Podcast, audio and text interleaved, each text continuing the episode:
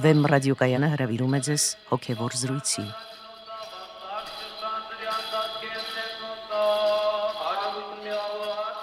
Սիրելի ունկնդիրներ, Վեմ ռադիոկայանի եթերում արժանապատիվ Տեր Մեսրոպ Քահանա Արամյանը եւ Արա Սարգսակ Նալչաջյանն են։ Այսօրվա մեր զրույցի թեման է Աստվածահաճո եւ Մարդահաճո։ Օրհնյա Տեր հայր։ Աստված օրհնի։ Տեր հայր Աստվածահաճո կամ Աստվածահաճոյություն եւ Մարդահաճո կամ Մարդահաճոյություն արտահայտությունները երկուսն Սուրբ գրքում չեն գործածվում։ Միայն Մարդահաճոն է գործածվում 3 անգամ առաքելական թղթերում։ Խնդրեմ բարձաբանեք, ինչ է նշանակում Աստվածահաճո եւ ինչ է նշանակում Մարդահաճո։ Աստվածահաճո կամ Մարդահաճո նշանակում է Աստծուն հաճելի կամ մարդկանց հաճելի, այսինքն մի բան, որը հաճելի է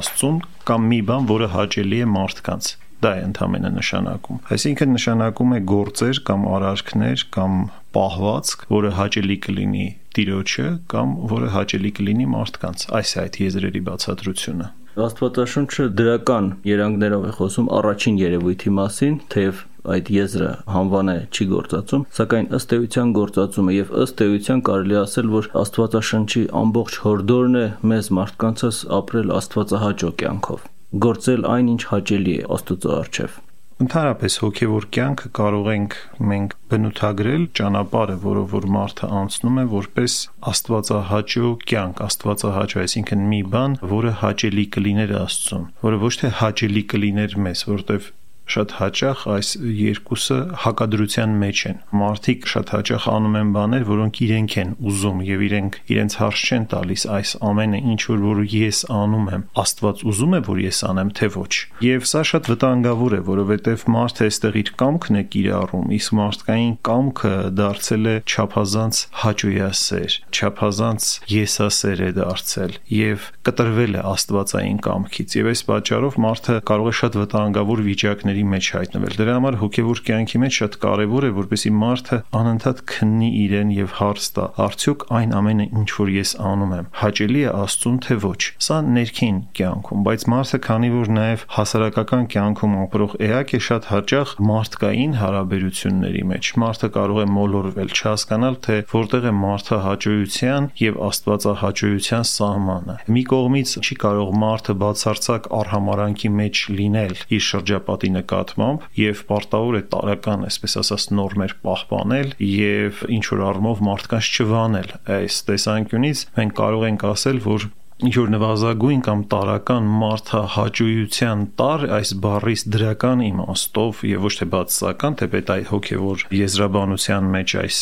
եզրը արդեն բացասական երանգ է ստացել մարդահաճույություն եւ հակադրվում է աստվածահաճույության ուրեմն գաղափարի հետ, բայց այնուամենայնիվ ուրեմն եթե մենք դրական իմաստով ենք խոսում, որոշակի տար պետք է մարդը պահպանի, այսինքն մարդը չի կարող կատարելապես արհամարանք ունենալ այն ամենի նկատմամբ, ինչ որ աշխարհում կա եւ հաշվի չառնի, թե ինչպես են մարդիկ դիտելու եւ ինչպես են վերաբերվելու իր այս կամ այն արարքին։ Թերևս այդ միտքը ընկնում է այն խոսքից իր մեջ, որ ասում է Պողոս Արաքյալը, թե բարին գործեցեք թե Աստծո եւ թե մարդկանց արչեւ։ Այո, ուրեմն մարդը ունի երկու գլխավոր պատվիրան՝ սիրիր քո Տեր Աստծուն եւ հաջորդ պատվիրանը, որ դրա նման է, սիրիր քո եղբորը ինչպես քո անձդ։ Ուրեմն, եթե մենք իսկապես այդ սերը մենք պետք է արտահայտենք, դա նշանակում է այդ սիրո մեջ պետք է լինեն այնպիսի արարքներ, որոնք հաճելի են այդ սիրո առարկաներին, այսինքն Աստծուն եւ մարդկան, եթե մենք մեկին սիրում ենք, ուրեմն անում ենք այն բաները,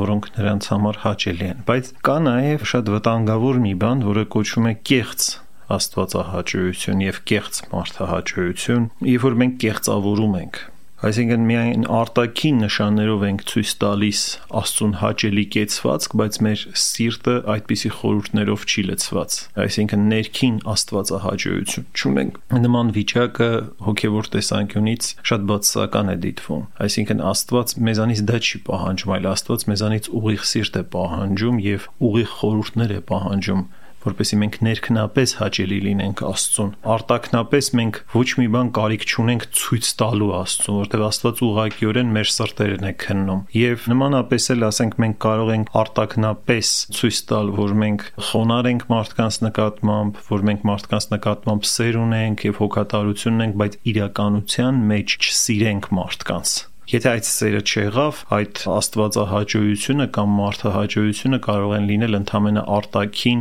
շղարշներ մեզ համար։ Եվ ինչպես Աստվածաշունչն է ասում, Աստված ծրելու է երեսպաշտների կամ մարդահաճոների ոսկորները։ Եվ Պողոս Առաքյալի Եփեսացիներին ուղված թղթում ասում է, թե ոչ թե հսկողության տակ ծառայելով, որպես մարդահաճո անձեր, այլ որպես Քրիստոսի ծառաներ, կատարելու համար Աստծո կամքը։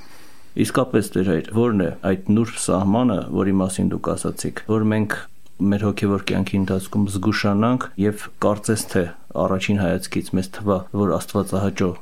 գործ ենք կատարում, Աստվածահաճո ընթացքով ենք ապրում, սակայն իրականում այդ քողի տակ մենք ինքնախապեյությամբ զբաղվենք եւ գործենք մարդահաճո գործեր։ Աստվածահաճոյությունը իր էությամբ խաչ է, այսինքն խաչակրություն է Աստվածահաճույություն չի նշանակում ինչ որ հաճելի վիճակների մեջ լինել կամ տևել որոշակի հաճելի վիճակների մեջ։ Նշանակում է խաչդ վերցնել եւ գնալ Տիրոջի ետևից։ Եվ սա նշանակում է որոշակի պայքար, որոշակի դժվարություն, որոշակի տքնություն եւ երբեմն մարդկային չափանիշներով նույնիսկ անտանելի, բայց Աստծո զորությամբ տանելի։ Եվ այս առումով մարդը պետք է հասկանա, որ Աստծուն հաճելի լինելու համար ինքը պետք է որոշակի ճգնություններ իրագործի որոշակիորեն պետք է տքնի, պետք է չարչարվի, պետք է աշխատի, պետք է պատրաստ լինի այդ խաչը վերցնելու եւ Տիրոջը հետևելու, որովհետեւ եթե ինքը այդ խաչակրության պատրաստությունը չունեցավ, պատրաստակամությունը չունեցավ, ինքը այդպես էլ չի հասկանա, թե ինչ է խաչի զորությունը, ինչ է այդ փրկagorցության զորությունը եւ ինչի համար իր Տերը խաչվեց իր համար։ Աստվածահաճույություն նաեւ նշանակում է Քրիստոսանմանություն եւ Քրիստոսի կյանքը եւ նրա գործած գործերը այդքան էլ դյուրին գործեր չեն, բայց մենք ամեն ինչով պետք է ջանանք նմանվել նրան Եվ ինչպես Պողոս Արաքյալն է ասում, ասում է ես իմ մեջ կրում եմ Տիրոջ չարչարանքները։ Սա շատ կենթանի վիճակ է եւ Տիրոջ չարչարանքները կրել նշանակում է հարաժամ հաղորդ լինել դրանց, հարաժամ պատրաստակամ լինել հանուն Աստծո տարապանքների եւ չարչարանքների։ Բայց մյուս կողմից դա նաեւ նշանակում է այդ չարչարանքներով ազատագրության բերկրանքը ապրել քո հոգում։ Այսինքն հաղորդ լինել այդ չարչարանքներով մեզ տված այդ փրկարար եւ կենսագործ զորությանը։ Եվ այդ տեսանկյունից, երբ որ մենք ասում ենք Աստվածահաճույություն, պետք է այդ եզրի մենք ամբողջ խորքը հասկանանք եւ պատրաստ լինենք դա ներքնապես իրագործելու, որովհետեւ դա չի նշանակում միայն ինչ որ արտաքին արարքներ անել եւ մարդիկ էլ նայեն ասեն, «Օ, ինչ Աստվածապաշտիվ, Աստվածահաճո մարդ է», բայց իրականության մեջ մենք ամենևին էլ չհամապատասխանենք այդ արարքների ներքին բովանդակությանը։ Ուրեմն ներքնապես դա լուրջ խաչակրություն է աստվածահաճույությունը իսկ մարդահաճույությունը ուրեմն կարող է լինել կոնֆլիկտի մեջ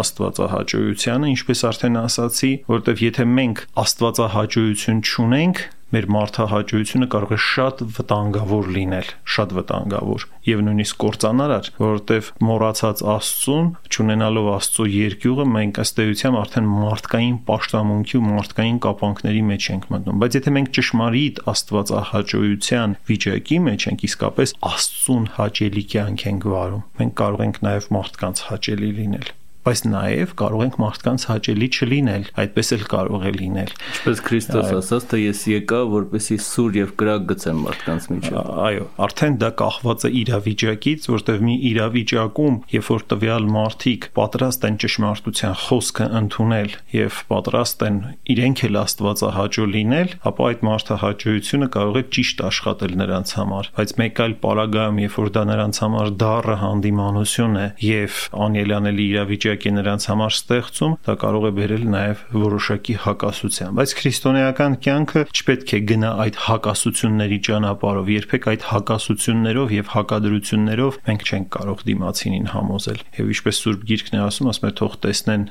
ձեր լույսը եւ փառք տան երկնավոր հորը։ Դերեր դուք նշեցիք այն մասին, որ ով Աստվածահաճո ընթացքով է ապրում, նա նմանվում է Քրիստոսին։ Եվ ահա դրա հակոտնյա միտքը, ահա թե ինչ ասում Պողոս Պատրիարք Ադրիանոպոլսեցին։ Ով ցանկանում է ամենքին սիրելի լինել, չի կարող մնալ առանց մոլությունների։ որովհետև ով կամենում է ամենքին հաջողանալ, ստիպված է իր ընթացքը նրանց ճանապարհին հարմարեցնել, եւ քանի որ մոլիները բազում են, ուստի ինքը եւս նմանվում է նրանց, որպեսի սիրվի նրանցից։ Պաստորեն մարդահաճոյության վտանգներից մեկն էլ այն է, որ կարող ես դու ուղակի մոլի դառնալ, մոլություններ ձեռք բերել հենց այն, ինչը արգելում է քրիստոնեությունը։ Սա արդեն լրիվ ծայրահեղ եւ հակադիր վիճակն է, երբ որ դու թողած աստվածապաշտությունը եւ աստվածահաճո կյանքը դու փորձում ես աշխարհում բոլորին հաճելի լինել եւ եթե դու փորձես բոլորին հաճելի լինել, ապա պետք է գնաս շատ լուրջ զողողությունների եւ իսկապես դու կարող ես այնպիսի բաներ անել, որոնք լրիվ հակասում են Աստծո կամքին եւ խորշելի են Աստծո համար։ Ընդհանրապես մարդահաճոյությունը որպես այդպիսին այդ եզրը ինքը հոգեվոր գրականության մեջ լիակատար բացասական երանգ է ստացել, որտեվ մարդահաճոյություն ասվածը նշանակում է ոչ թե Աստծուն հաճելի կյանք, այլ մարդկանց հաճելի կյանք կամ նշանակում է այս աշխարհի կյանք անել մի բան, որը համաձայն է այս աշխարհի կյանքին, իսկ այս աշխարհով ընդհանրապես բնութագրվում է մեղքի ոլորտը, մեղք հասկացությունը։ Այսինքն մարդահաճույությունը նաև նույնանում է այս առումով բավականին լուրջ մեղսագործության հետ։ Մարդահաճույությունը իր մեջ ունի շատ լուրջ կեղծավորության երանգ, որովհետև դու իրականության մեջ չես կարող չկեղծավորել, եթե դու գնում ես լրիվ կատարյալ, այսպես ասած, մարդահաճույության եւ փորձում ես բոլորին հաճելի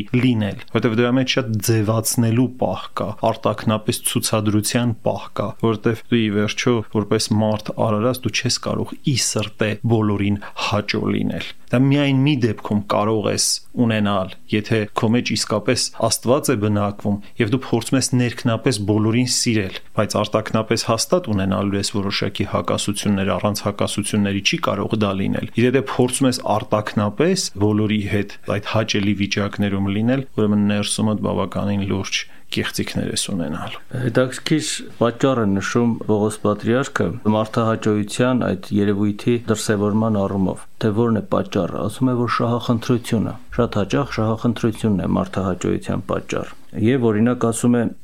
մարդահաճո հացկատակները կամենալով մեծամեծներին հաճոյանալ հաճոյանալով խոսել ստում ու ճշմարտությունն աղավաղում են եւ սա կրկնապատիկ չար է որովհետեւ դրանով ոչ միայն իրենց են վնասում այլև նրանց որոնց հաճոյանալ են կամենում։ Սա իհարկե արդեն մենք տեղափոխվում ենք հոգևոր ոլորտից լրիվ աշխարհիկ մարդկային հարաբերությունների ոլորտ, այս ամենը արդեն վերաբերում են արտաքին, այսպես ասած, իմաստությանը։ Եվ այդ առումով կարող ենք ասել, որ մարդահաճույությունը ունեցել է նաև բացասական երանգ արտաքին իմաստասիրության շրջանակներում, արտաքին բարոյագիտության շրջանակներում։ Հոգևորը միայն մեզ բացահայտում է արդեն դրա լուրջ հոգևոր նենգափոխումները, որտեվ նույնիսկ հասարակական ամենապարզ հարաբերություններում մարդահաճույությունը կարող է վերածվել բավականին լուրջ ախտի մարդու մոտ, ինչպես տեսանք շահախնդրությունը կամ այլ նպատակներ կարող են լինել, կարող է եսը լինել, մարդկային եսը, կարող է նախանձը լինել, հազար ու մի բաների պատճառով դու կարող ես տարբեր տեսակի մարդահաճույության մեջ հայտնվել քո այս կամ այն խնդիրը լուծելու համար։ Նաև սնափառությունը, հպարտությունը, օրինակ կեղծավոր աղոթքը ի ցույց մարդկանց ամեն տեսակ բաներ կարող են այդ մարդահաճույության յետևում թաքնված լինել, բայց հիմնական դրա պատճառը, ինչպես ես արդեն ասացի, այդ աստվածային կյանքից կտրված լինելն է, որովհետև եթե մարդ իսկապես ներքնապես իր խորհուրդներով ջանում է Աստծուն հաճելի կյանք վարել, ուրեմն մարդկանց հետ հարաբերությունը դիտվում է միայն այս լույսի ներքո այսինքն որտեղ է ինքը Աստծո առաջ ինչպես է ինքը քայլում Աստծո առաջ որովհետև այդ մարդը հարաժամ Աստծո ուշադրության մեջ է եւ հարաժամ իր ուշադրության մեջ է պահում Աստծո հետ լինելը, անընդհատ փորձում է Աստծո հետ լինել եւ հետեւաբար ինքը մեկ առ մեկ վերլուծում է իր բոլոր մարդկային հարաբերությունները։ Եթե ինքը տեսնում է մի որևէ հարաբերություն, իր մեջ առաջացնում է կապանք կամ կեղծավորություն կամ խոչընդոտում է Աստծո հետ իր փոխհարաբերությանը, նա պետք է ձգտի խուսափել այդ հարաբերությունից։ Կամ այդ հարաբերության մեջ որոշակիորեն ճշմարտությունը պետք է փորձի արտացոլել, որպեսզի կեղծիքի մեջ չմտնի։ Ընդհանրապես պետք է ասել, որ կյանքը դասավորվում է այնպես շատ հաճախ, որ մարդը այս կամ այն կերպ հայտնվում է որոշակի կեղծիքների մեջ որովհետև հասարակական բարքերի գիտակցության ամեն ինչի մեջ թափանցած այդ կեղծիքի տարը կա եւ մարդը ինքը հասարակական էակ է, եթե ինքը վանքում չի ապրում, հասարակական կյանքում է ապրում եւ ինքը կամա թե ակամա երբեմն ներքաշվում է այսպիսի կեղծավոր իրականությունների մեջ։ Բայց եթե մարդը ունի հոգեվոր գիտակցություն, մարդը ունի ներքին ուշադրություն, մարդը ունի ներքին աղոթք, մարդը ամեն օր փորձում է ինքն իրեն քննել, հասկանալ թե որտեղ է ինքը հոգևոր կյանքում եւ որքանով է Աստվածահաճո իր կյանքը, այդպիսի մարդը դյուրությամբ կգտնի լուծումներ մարդկային հարաբերությունների մեջ։ Դժվար դուք խոսեցիք մարդահաճոյության եւ աստվածահաճոյության հոգեվոր եւ աշխարհիկ ասպեկտների մասին նշեցիք, որ կան այդպիսի ասպեկտներ եւ առաջինը եւ երկրորդը։ Եվ սակայն քանի որ մենք առասարակ մարդիկ ենք, որոնք ապրում ենք իսկապես ոչ վանքերում, այլ մարդկային հասարակության մեջ, հաճախ տարբեր հիմնարկներում աշխատանքային հարաբերությունների մեջ գտնվելով, ով է այն մարդը, որը չի վնասվել այդ մարդահաճոյության եւ նաեւ մարդահաճոյությունը ընդունելու ախտից, չէ՞ որ թերևս քիչ մարդիկ գտնվեն, որոնք զերծ են այդ ախտից մարդահաճոյությունը ընդունելու։ Եվ օրինակ նույն հիմնարկում աշխատում են երկու մարդ։ Մեկը փորձում է Աստվածահաճո կյանքով ապրել, չշողոքորթել, իսկ մյուսը շողոքորթության ճանապարհով է գնում։ Եվ երկուսն էլ հավասար նույն կարգի, նույն որակի մասնագետներ են։ Նա, ով շողոքորթելով է, ով մարդահաճոյությամբ է ընթանում, դա է որպես զենք դարձրել իր համար, շատ հաճախ նա առաջ է անցնում եւ այն մարդը, որը ավելի պարկեշտ եւ համեստ կյանքով էր ապրում, չէր շողոքորթում, նա մնում է յետ։ Չէ որ դժվար բան է այս պարագայում ընտրել հատկապես աստվածահաճոյության ճանապարհը նախ ոչ միշտ է այդպես տեղի ունենում ես համաձայն չեմ որ շողոքորթը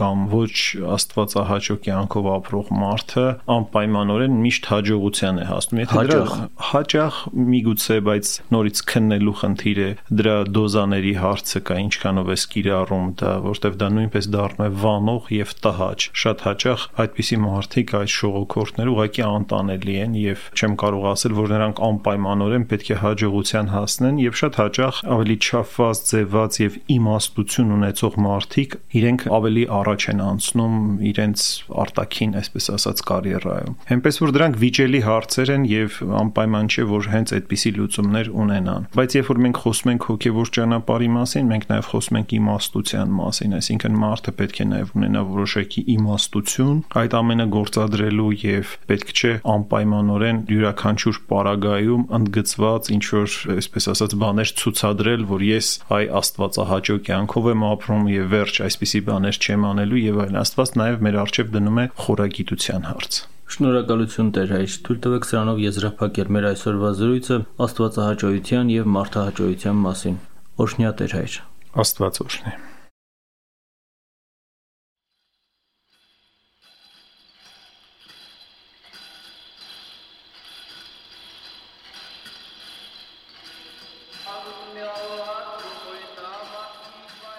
Հոգևոր զրույցներ հաղորդաշարի հերթական հաղորդումը վարեց Արաս Սարգսակ Նալչաջյանը։